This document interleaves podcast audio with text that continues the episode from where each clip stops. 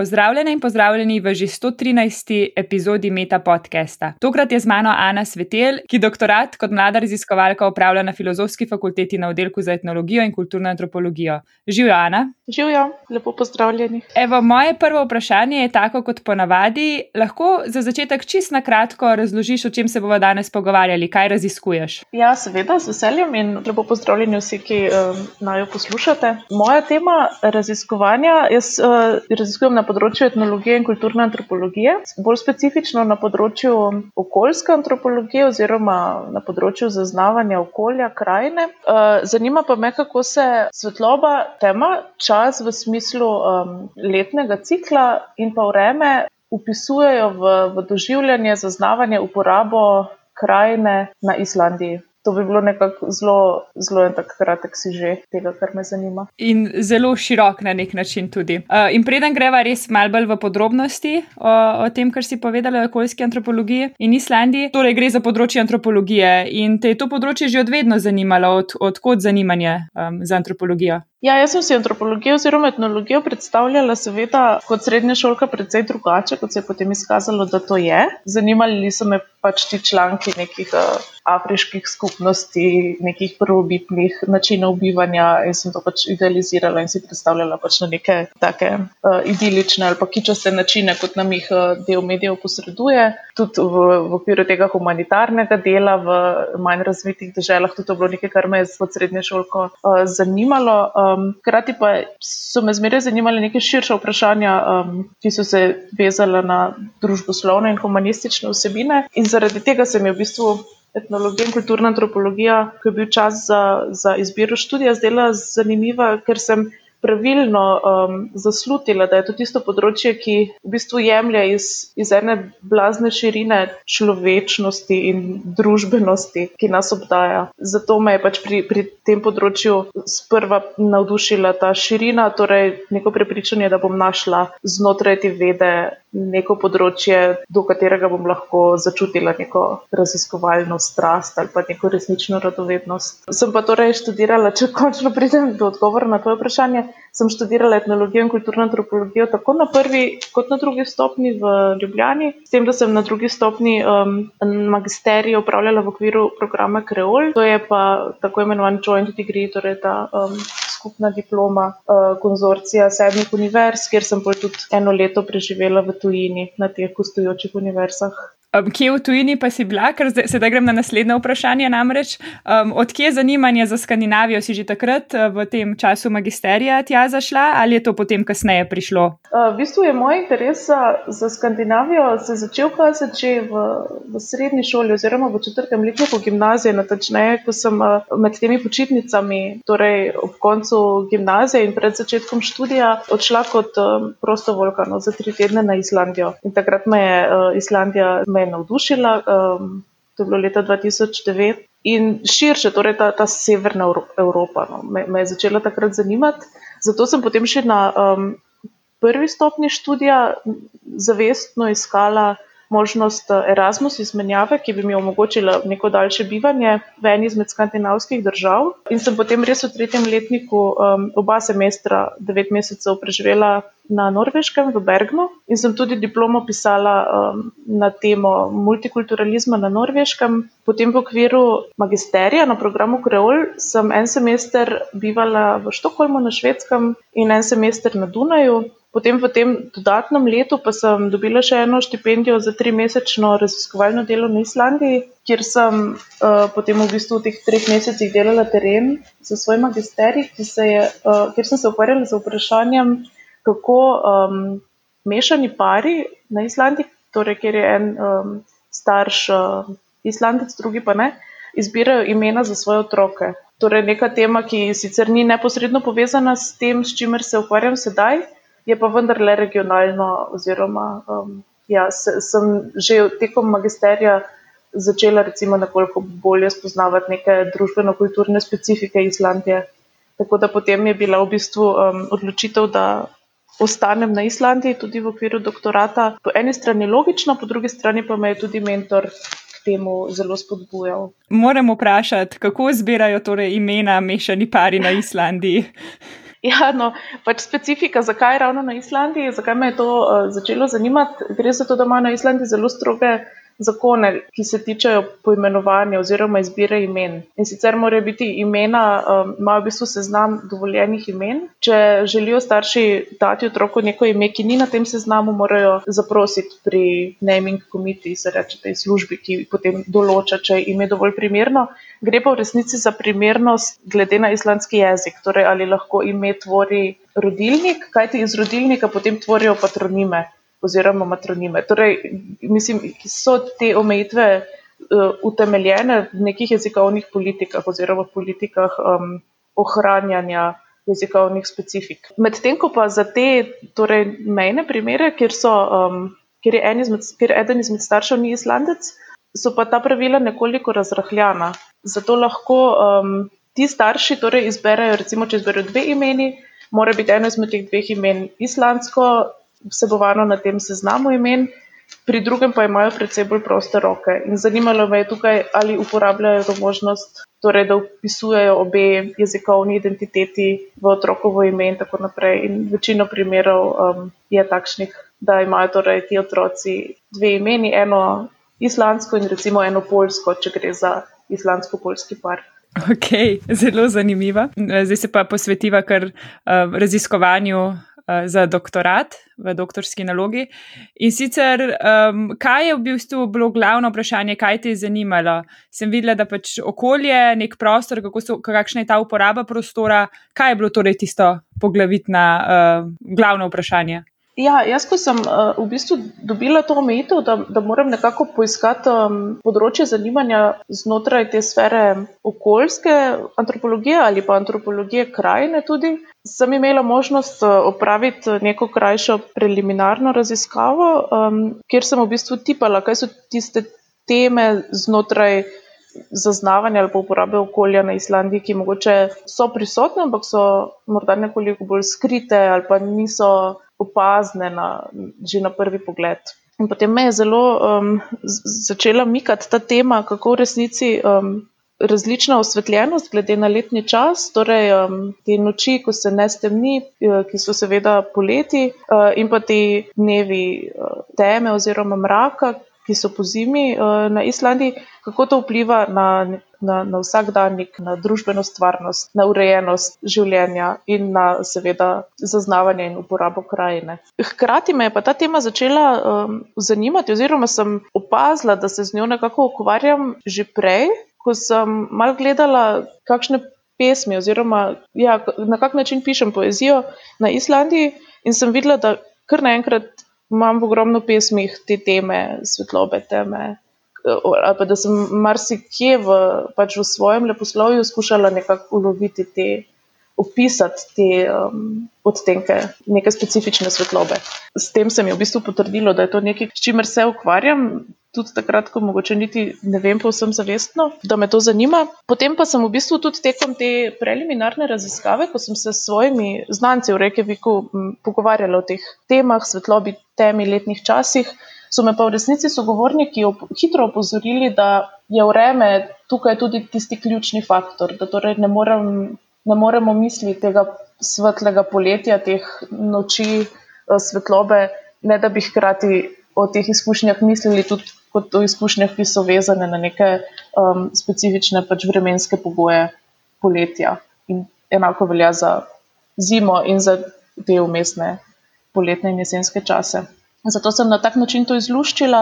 Um, in torej ta beseda čas, ki je v naslovu mojega doktorata, ker naslov uh, doktorske naloge no, je um, vreme, čas, svetloba in tema v družbenih razsežnostih islandske krajine. In torej ta čas, ki mogoče celo zadevo um, zviša na neko blazno široko raven, v bistvu je ne. No. Gre za čas, časovnost v smislu tega dnevnega in letnega um, cikla, ki vpliva seveda na osvetljenost in na, ne na zadnje na vremenske vzorce. Na tak način so se mi v bistvu te teme začele kristalizirati, potem kar me je začelo še. Um, zelo zanimati na, tem, na tej zgodnejši fazi, ko sem nekako izčiščala um, svojo temo. Je bilo pa tudi to, da je uh, blazno malo na to temo bilo že raziskanega, oziroma na področju etnologije in um, antropologije na Islandiji praktično nič, uh, kar se mi je zdelo izjemno fascinantno in potem seveda tudi ta tema postane bolj intrigantna, če imaš občutek, da boš ti mogoče um, vsaj po neki poti hodil prvič, pa hodil sam. To je meni zmeraj tako precej fino, no, če, ni, če, če, če ne prežvekuješ stvari, ki so bile že, že stokrat povedane. No, hkrati pa potem znotraj teh tem, uh, seveda je moja um, poglavitna osrediščenost na to, kako svetloba tema vpliva na zaznavanje krajine, našega neposrednega okolja, kjer živimo, ampak um, vseeno je seveda to um, pač neobhodno povezano tudi z, z vprašanji uh, spanja, torej vzorcev spanja, strategij spanja in budnosti, potem te materialne kulture, ki se na to veže. Naprimer, uh, mislim, če sem čisto konkretna, ali in kako uporabljajo zavese, um, te pač uh, zatemnitvene materialne pripomočke za okna ali in kako uporabljajo te maske za, za čez oči, potem kako je z, z, z vitaminom D, um, na kak način um, v temnih mesecih prebivalci pač poskrbijo za, za zadosten vnos tega vitamina in tako naprej. Mislim, neko moje čisto osnovno vprašanje je bilo tudi, kar se tiče spanja, če opažajo moji sogovorniki spremembe vzorcev spanja med zimo in poletjem, in tako naprej. Torej, to so te vprašanja vezane na spanje, potem seveda vezane na razpoloženje, na počutje, na te mogoče nekoliko bolj zdravstvene vidike. Zanimivo je namreč, če lahko samo pod črto povem, da je ta bolezen oziroma motnja, ki z okrešavo rečemo SED, Seasonal Affective Disorder, na Islandiji blazno redka in da so tudi nekateri naravoslovni znanstveniki um, na Islandiji delali na to temo raziskave, torej um,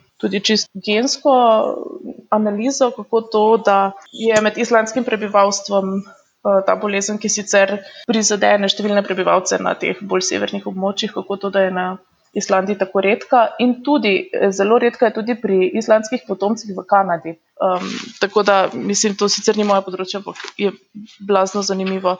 Potem, če se vrnem torej na teme svetlobe in teme, se na to vežejo seveda tudi prazniki, obhajanje teh. Um, časov sprememb in premen v naravi. Potem še ena tema, ki se mi je tekom terenskega dela izkristalizirala, oziroma ki sem jo zmeraj znova najdevala, je bila ta, kako se te teme um, okolja, različne osvetljenosti okolja odražajo v umetnosti, v umetniških praksah, tako v smislu nekih um, festivalov, ki dan danes na Islandiji res uh, vznikajo v zelo velikem številu, ob recimo poletnem solsticiju in podobno. Um, recimo v Sedisfjordu je zelo znan festival uh, svetlobe vsako leto februarja. Ampak me je zanimalo pa tudi, kako se to obhaja na nekih manjših, mogoče bolj, nekih bolj intimnih okoljih, kako torej posamezniki družine, kaj počnejo recimo za, v, v času najkrajših dni ali pa v času solstice in podobno. Torej, um,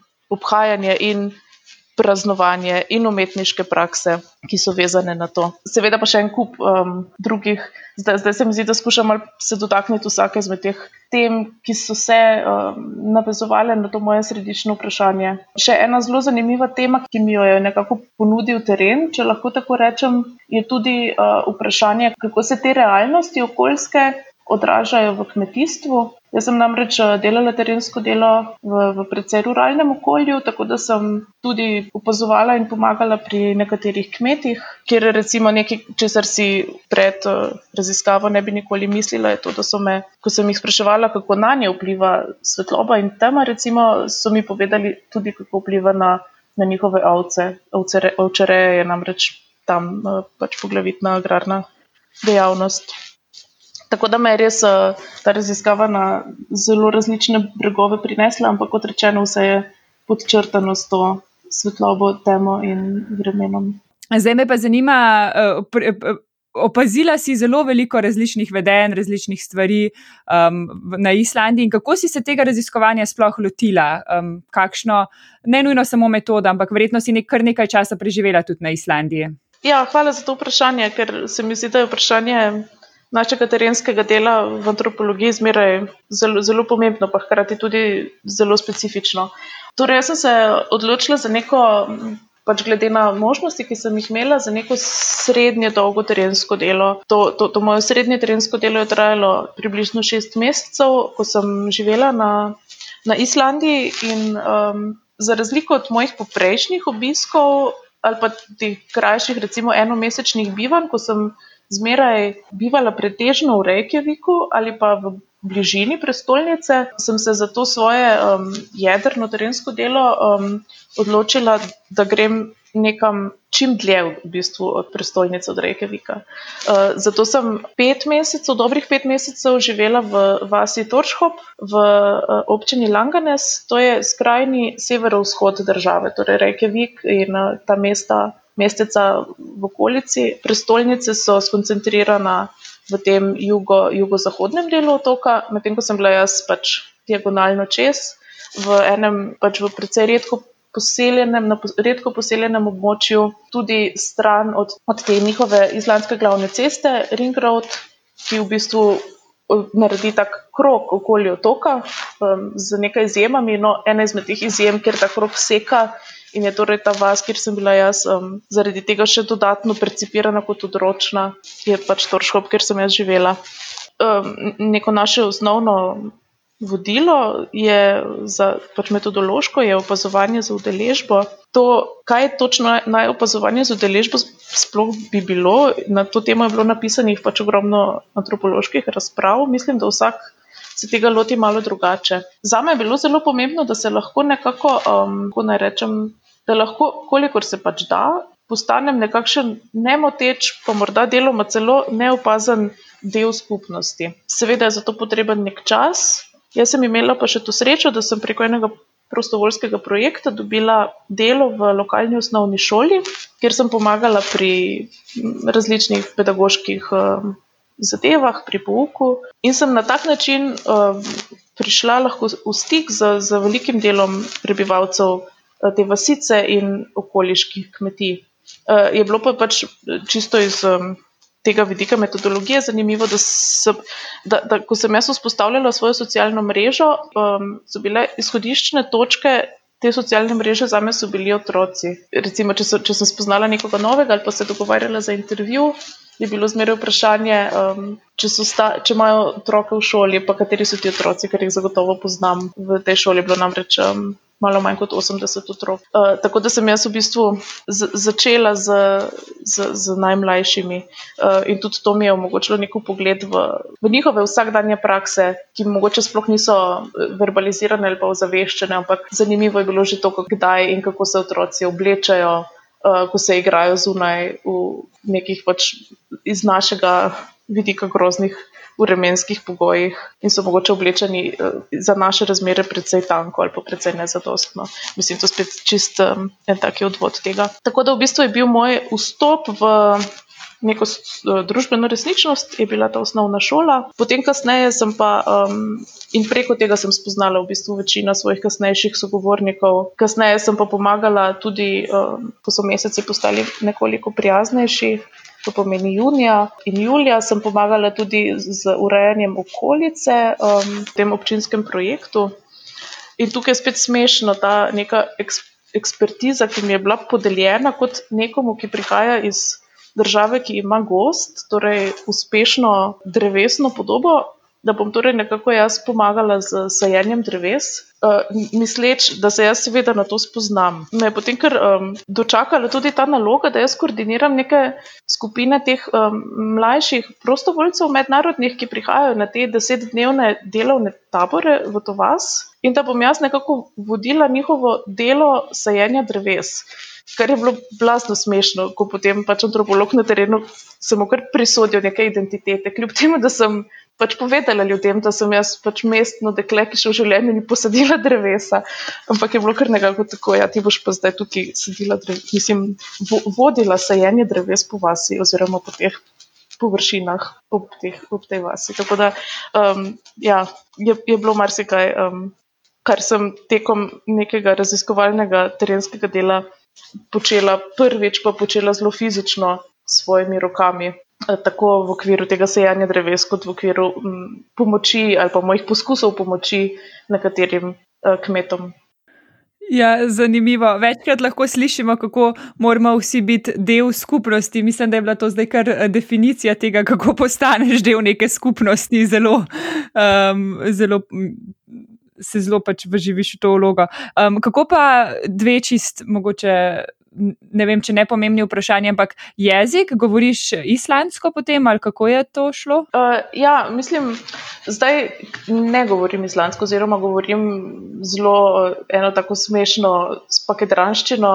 Pomešano s, tem, uh, s, to, pač s temi osnovami islamščine, ki jih znam, ki sem, nekaj sem se učila že prej, nekaj sem se seveda uh, priučila v, v tej osnovni šoli. Tako da nekako preživetveno razumem, ampak kar se tiče tudi intervjujev, intervjuje sem delala absolutno v angleščini in tudi um, intervjuje, ki sem jih upravljala s starejšimi, uh, recimo v, v domu upokojencev, je bilo v bistvu zmeraj tako, da mi je nekdo priskočil na pomoč s prevajanjem. Pa še eno vprašanje. V tej vasici rekla si, da je bilo 80 otrok v šoli. Koliko je bilo pa nekih prebivalcev? Ja, eh, prebivalcev je slabih 400. Eh, Ampak moramo vedeti, da je to precej veliko področje teh eh, redko naseljenih kmetij, uh, kjer tudi otroci iz teh okoliških kmetij seveda prihajajo v to šolo in ti um, kmetje so pač povezani s tem krajem. Zato je mogoče sama številka teh slabih 400, mislim, da je 380, ni, niti ni tako zelo realna. Občina je namreč širša. Pa pa je zdaj kar na, na ta drugi del, ki ga verjetno zdaj še urejaš pred, pred oddajo doktorata. Torej, kaj si spoznala z, z spoznavanjem te vasice in ljudi v njej? Ja, um, spoznanje se mi zdi, no, upam, da ne govorim samo zase, je v antropologiji zmeraj problem, zato ker gradivo, ki ga dobiš, je seveda um, izjemno različno in večglasno. In mogoče nek moj, um, nek, neko moje, ene izmed teh, recimo, nekih drobnih prepričanj, ki sem jih imela, pa ki se mi niso potrdile, ker, ker recimo, se mi zdi tudi precej zanimiva, je ta, da sem mislila, da, bodo, um, da so zimski meseci, ti, ta temni čas leta, družbeno percipirani kot težki. Eh, ali pa kot nekaj, skozi kar se je treba prebiti. Ampak marsikdo je pač izrazito poudarjal um, to nujnost, ali pa to, da, da, so, da so v teh mesecih, eh, da je tudi čas za številne prijetne dejavnosti. Kar, bilo, kar se same teme tiče, mi je bilo pa zelo zanimivo, da so nekateri um, govorili o temi kot o neki substanci. Da imajo občutek, da jih tema lahko, kot da bi jih objela, kot neka odeja, ki, ki, ki je neka varna zaščita, kot, nek, kot neka res prav materialna substanca, ki te, ki te objame in ti nudi neko, neko zavetje v teh mesecih. Zdaj spet ne govorim eksaktno o, o stvarih, ampak še, še ena stvar, ki je na to svetlobo in temo vezana, je pa ta, um, kako bi rekla, da, da, gre, da še zdaleč ne gre za dva ekstrema. To je tudi nekaj, kar um, recimo sem jaz prva, ko sem pač zadevo zastavljala, mislila preveč um, modelsko. In so me potem že hitro, uh, recimo med pogovori, so ljudje rekli, pa kakšno, o kakšni temi ti pravzaprav govoriš, se ni nikoli čiste teme. Tudi, tudi decembra in januarja so še zmeraj zvezde, luna je še zmeraj ne na zadnje, pač kadar so pogoji severni si in tako naprej. Tako da tudi takrat, ker si recimo sem jaz kot raziskovalka zamišljala um, neko, nek ekstrem, so me potem sogovorniki korigirali, da, da, je, da je stvar zmeraj precej bolj prehodna ali, ali pa da ima že, že tam ima v sebi to, to izjemo. Um, hkrati pa, seveda, ker gre tukaj za neke uh, družbene in kulturne načine življenja z nekimi pogoji, so, so ljudje že, že, že od malega navajeni živeti po zimi z, z, neko, z manj svetlobe zunaj, sploh um, to uh, kmetsko prebivalstvo. Zato sem jaz za intervjuje začela relativno pozno, ker sem želela najprej samo, brez tega, da jaz sprašujem ali pa da jaz um, opozarjam na neke stvari, ki jih zdaj jaz opažam, samo videti, kako, kako je to nekako. Vklopljeno v, v, v življenje te skupnosti. Zdaj sem se spet malo vrnila na neko bistvo metodološko težavo. Mislim, kar se mi je tukaj na tem terenu res pokazalo, je to, da lahko ti kot antropolog z nekim pripravljenim nizom vprašanj, neki realnosti, hitro narediš v bistvu krivico, ker s tem, mislim, s tem lahko sogovornika zapiraš v, nek, v, neka, v neka svoja videnja ali pa razumevanja stvari. In kar se je pri meni izkazalo, je to, da večina sogovornikov je res. Um, krasnih in pač skušajo antropologinji ugoditi v njenih smešnih željah.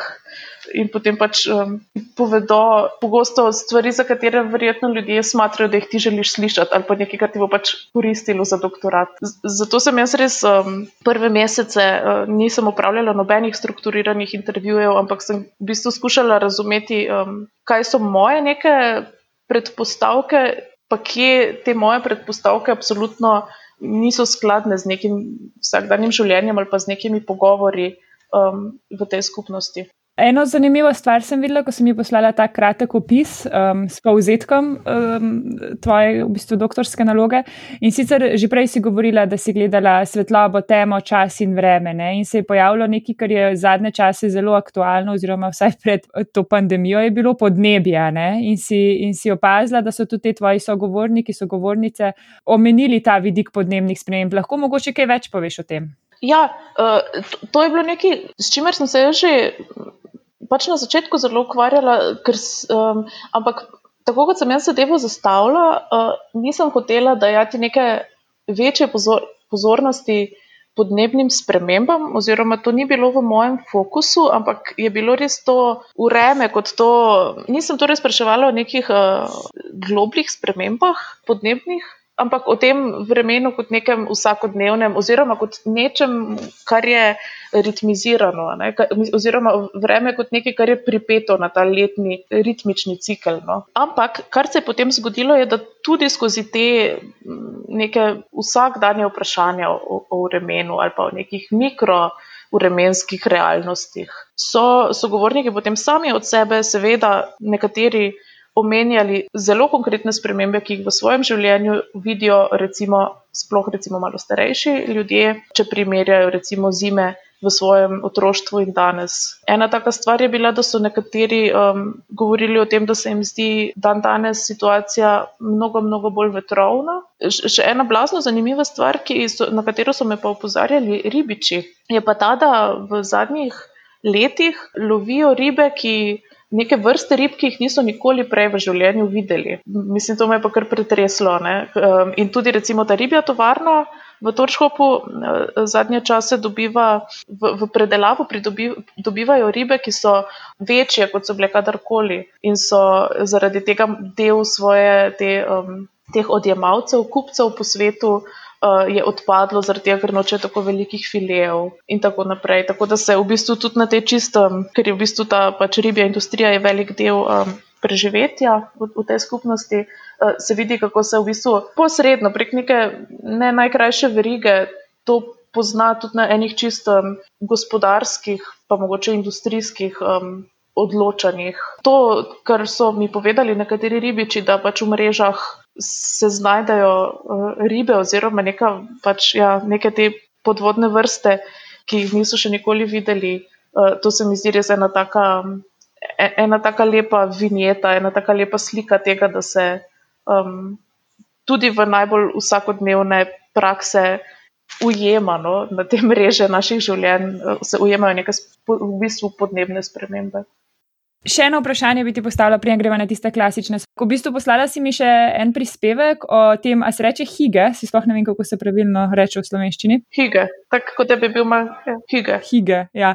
Tudi v svojih um, drugih prispevkih omenjaš to idealizacijo nordijskega načina ali pa ta, ta privlačnost arktičnosti. In lahko mogoče kaj več poveš o tem konceptu, oziroma sploh o, o tem, eh, kako pristopati ja, do tega, oziroma kako razumeti to. Ja, ta privlačnost severnega sveta, seveda jo lahko pač eh, raziskujemo daleč v, v zgodovino um, preko teh prvih raziskovalcev in ta pač um, magičnost nekega robnega sveta, težko dostopnega ali pa skoraj nedostopnega nekoč.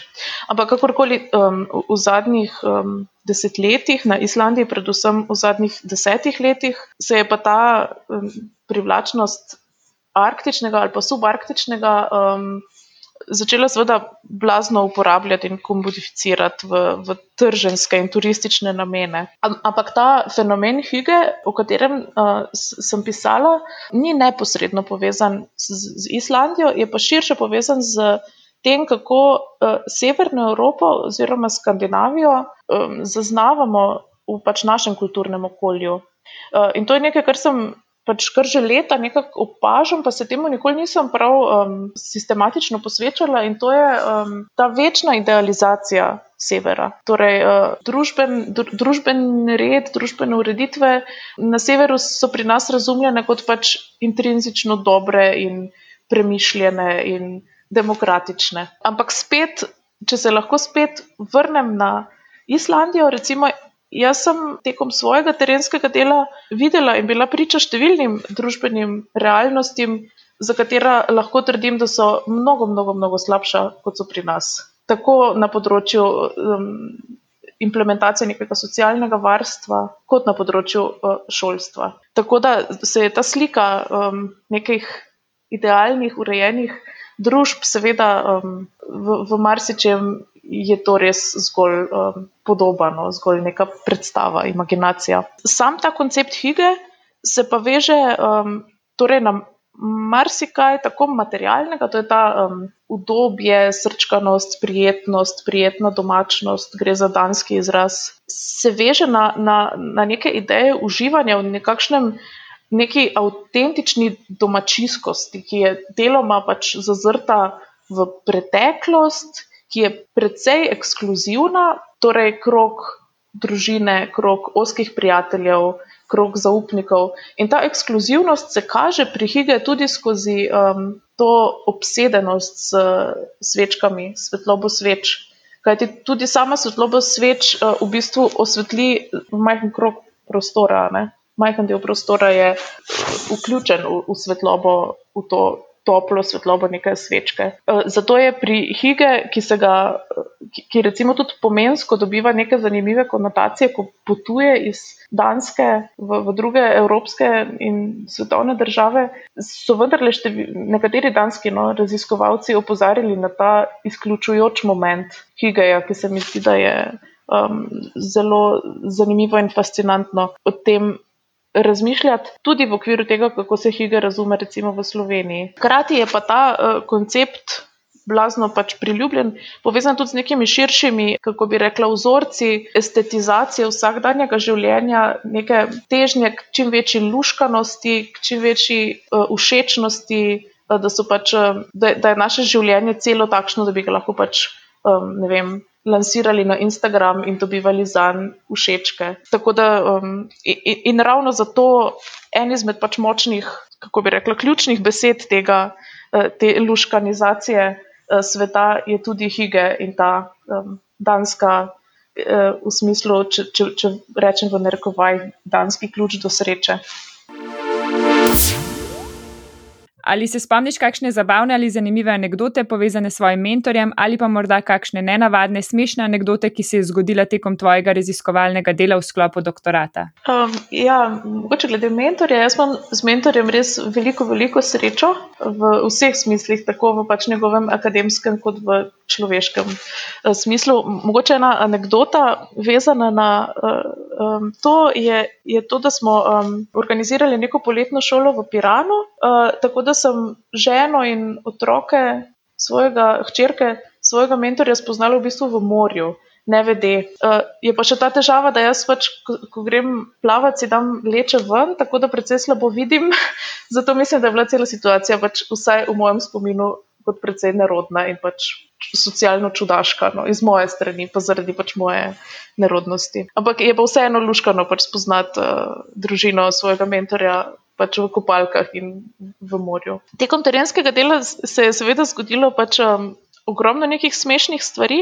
Mogoče samo eno izpostavim. Ko sem uh, opravljala intervju z enim sogovornikom na eni kmetiji, no, uh, malo v niste vasi, ta sogovornik mi je bil uh, predstavljen oziroma priporočen kot pač velik vaški posebnež, kot nekdo, ki ima res tako zanimiva mejna mnenja o vsem. In pa to je, mislim, da je mal pod 80, starejši možakar. Uh, in potem smo mi to upravili ta intervju, in pa je, da je potem poklical svojega najboljšega prijatelja in mu povedal, v smislu, končno, skoraj sem že star 80 in končno me je odkril en antropolog.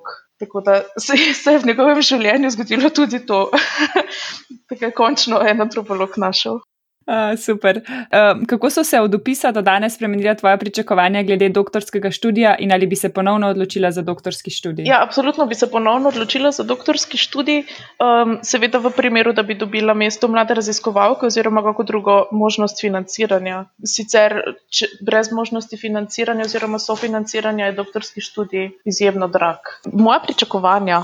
Mogoče sem pričakovala, da bo to manj samotna pot, v bistvu je vendarle raziskovanje tudi če je del, če je ta etnografski del antropološkega dela precej družaben, je to še zmeraj nekaj, um, kar se meni zdi precej osamljeno. Početje. Sem pa, je pa deloma povezano to, tudi to, da je v um, glavnini mojih let, pač kot mlada raziskovalka, sem bila edina na oddelku. Um, z letošnjim študijskim letom se je situacija k sreči precej spremenila, uh, ker sta um, zaposleni od letos, še dve mladi raziskovalki in še ena uh, sodelavka kot asistentka.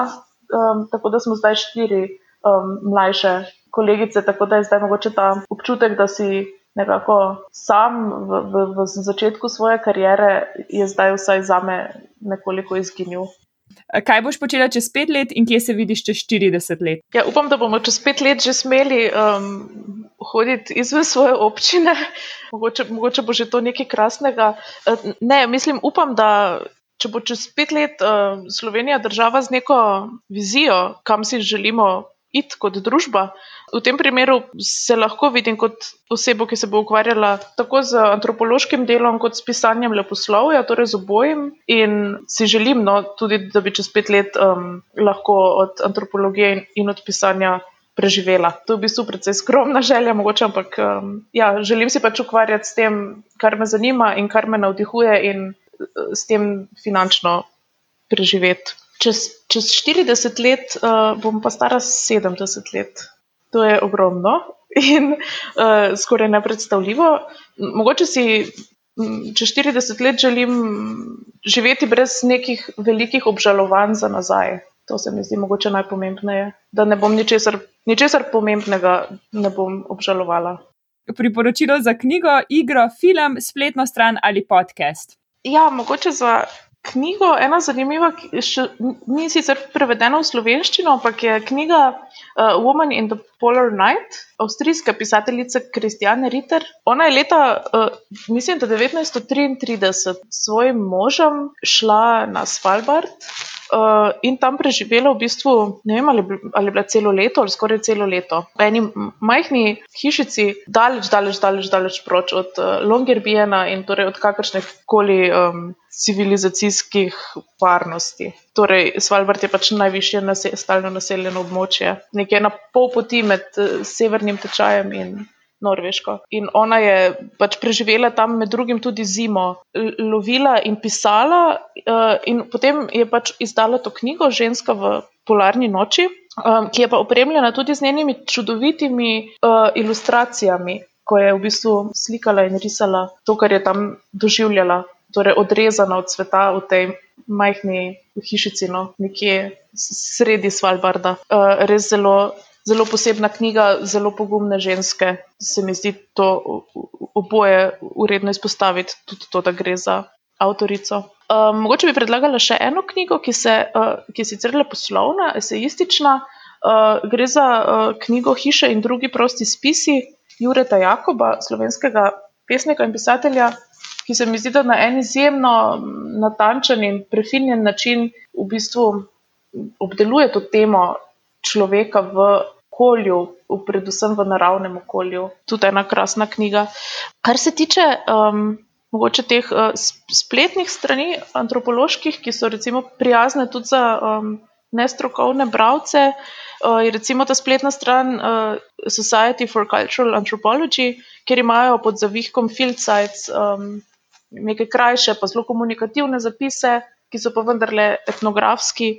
Prav tako imajo oni tudi antropološki podcast, pa potem ena taka stran je tudi tale Allegra Lab, Allegra Laboratory, um, kjer v bistvu tudi um, podajo neke vsebine, ki, ki nekako se stopajo iz nekih zgolj znanstvenih ali pa akademskih sfer. Piše v bistvu na nek precej poljuden in prijazen način. Mogoče bi te štiri stvari izpostavila. koga od nam znanih ali neznanih bi povabila na večerjo, če ne bi bilo nobenih omejitev? Jo, s, tem s tem vprašanjem sem se že včeraj kar um, mučila, no, če povem po pravici. Um, mislim, da bi povabila svojo um, prababico Drino, ki je umrla mnogo, mnogo let, preden sem se jaz uh, rodila, tudi preden se je rodil moj uh, oče. Povabila bi jo pa na večerjo, zato ker bi jo blazno rada spoznala, ker se mi po vsem, kar o njej vem in kar sem o njej slišala, uh, zdi, da je morala biti izjemno delovna, in zanimiva ženska, pa tudi zelo intelektualno prodorna. Delala je kot uh, zdravnica, bila je začetnica uh, transfuzijske medicine um, v tem delu Slovenije, pa na zadnje tudi mati samohranilka dveh otrok, ljubiteljica umetnosti, pa, pa je tudi glede številnih stvari posebna in navdihujoča ženska. Njo, njo bi z veseljem peljala na kakšno dolgo večerjo. Super, hvala, Ana. Hvala tebi za vsa vprašanja. Poslušali ste Meta podcast, v katerem se pogovarjamo z mladimi znanstveniki in znanstvenicami z različnih področji znanosti. Podcast domuje na spletišču metinalista.si, kjer najdete tudi druge zanimive znanstvene vsebine. Naše delo lahko podprete z donacijo Metini listi, pohvale, pripombe in predloge lahko posredujete po e-mailu znanostafna.metinalista.si. Dobrodošli so tudi komentarji na Facebook profilu Metine liste in na Twitterju Afna Metina lista, kjer uporabite hashtag MetaPodcast. Se slišimo čez 14 dni.